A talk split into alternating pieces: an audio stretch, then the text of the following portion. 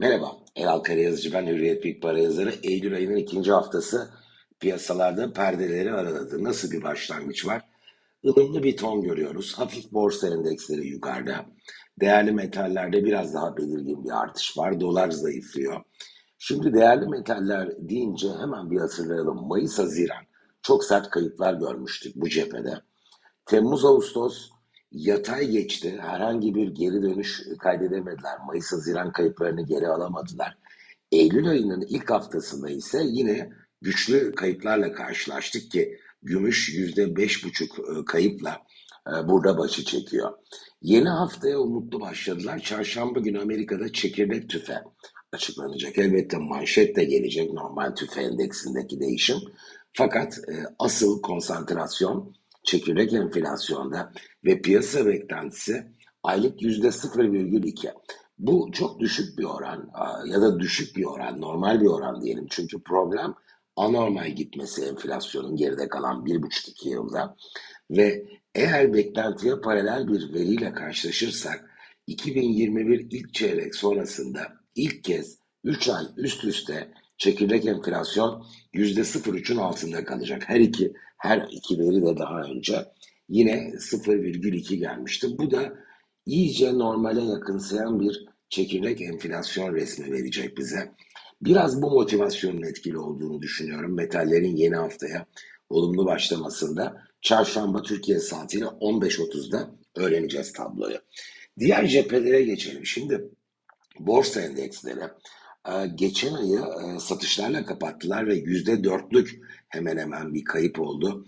Eylül ayında ne oluyor ne bitiyor dersek e, ilave yüzde bir buçuk kadar kayıp var yine varlık piyasalarında o e, Temmuz'da borsaların iyi gittiği bir seyir vardı. Metallerden ayrışmışlardı.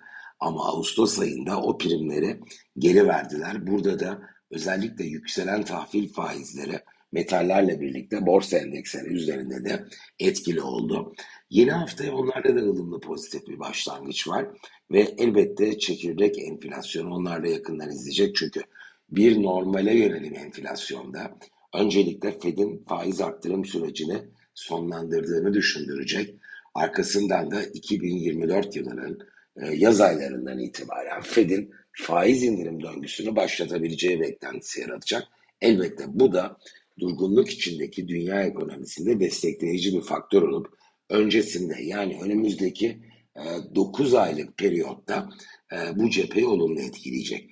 Borsa İstanbul şimdi zaman zaman dünya ile birlikte hareket etse de aslında biz uzun bir zamandır, iki yıla yakın bir süredir, iki yıl diyelim hatta, BIST'in daha özgün hareketlerine şahit oluyoruz.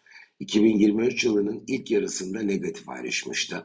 TL bazında dahi 5500 puanla başladığı yılı 5759'la tamamlamış, %4,5'luk bir artış kaydedebilmiştir. Fakat ikinci yarı yılın ilk iki ayında çok sert bir artış gördük borsada. %37'lik bir sıçrama ve Eylül ayında da ilave yüzde beş kadar bir prim kaydetti.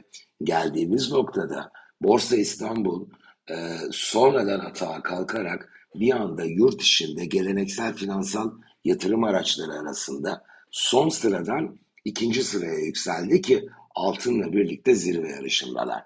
TL bazında hangi cephede ne kadar performans, ne kadar değer artışı oldu diye baktığımızda altın liderliğini koruyor. %51.6'lık ee, artışla geçen yılın kapanışından bugüne biz de %51.1 ile hemen onun arkasında. Muhtemelen biz yılın e, son 3,5 aylık e, parkurunda bu ikili arasında önemli bir e, zirve yarışına şahit olacağız. Üçüncü sırada Euro var %43.8'lik artışla. Dolar 43.4 ile onu izliyor. Gümüş gerilere düştü. %38 uçağa geldi TL bazında. 2023 yılında kaydettiği prim. Arada 13 puanlık fark var. Acaba en azından altını yakalayabilir mi? Bence bu mümkün. Dikkate almak lazım.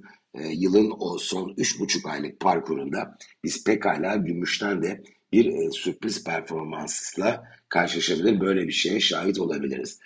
Dolar dördüncü sırada ama çok büyük bir fark yok arasında Euro ile birlikte. Ben önümüzdeki üç buçuk ay bu beşli arasında e, doların zorlanmaya aday olanlardan biri olduğu görüşündeyim. Bu TL ile ilgili değil, e, daha ziyade dünya ile ilgili. Çünkü son 3-3,5 aylık periyotta e, global cephede tahvil faizlerinde bir düşüş, varlık piyasalarında pozitif bir seyir, biraz geçen yılın Eylül sonrasını hatırlatan, son çeyreğini hatırlatan çok şiddetli artışlar olmuştu geçen sene varlık piyasalarında son 3 ayda. Bu ölçülü olmasa da hissedilir güçlü bir tonun gerçekleşebileceğini düşünüyorum. Bu da iz düşümüyle altını e, diğer para birimlerine ve varlıklara karşı e, zayıf etkileme potansiyeli taşıyor.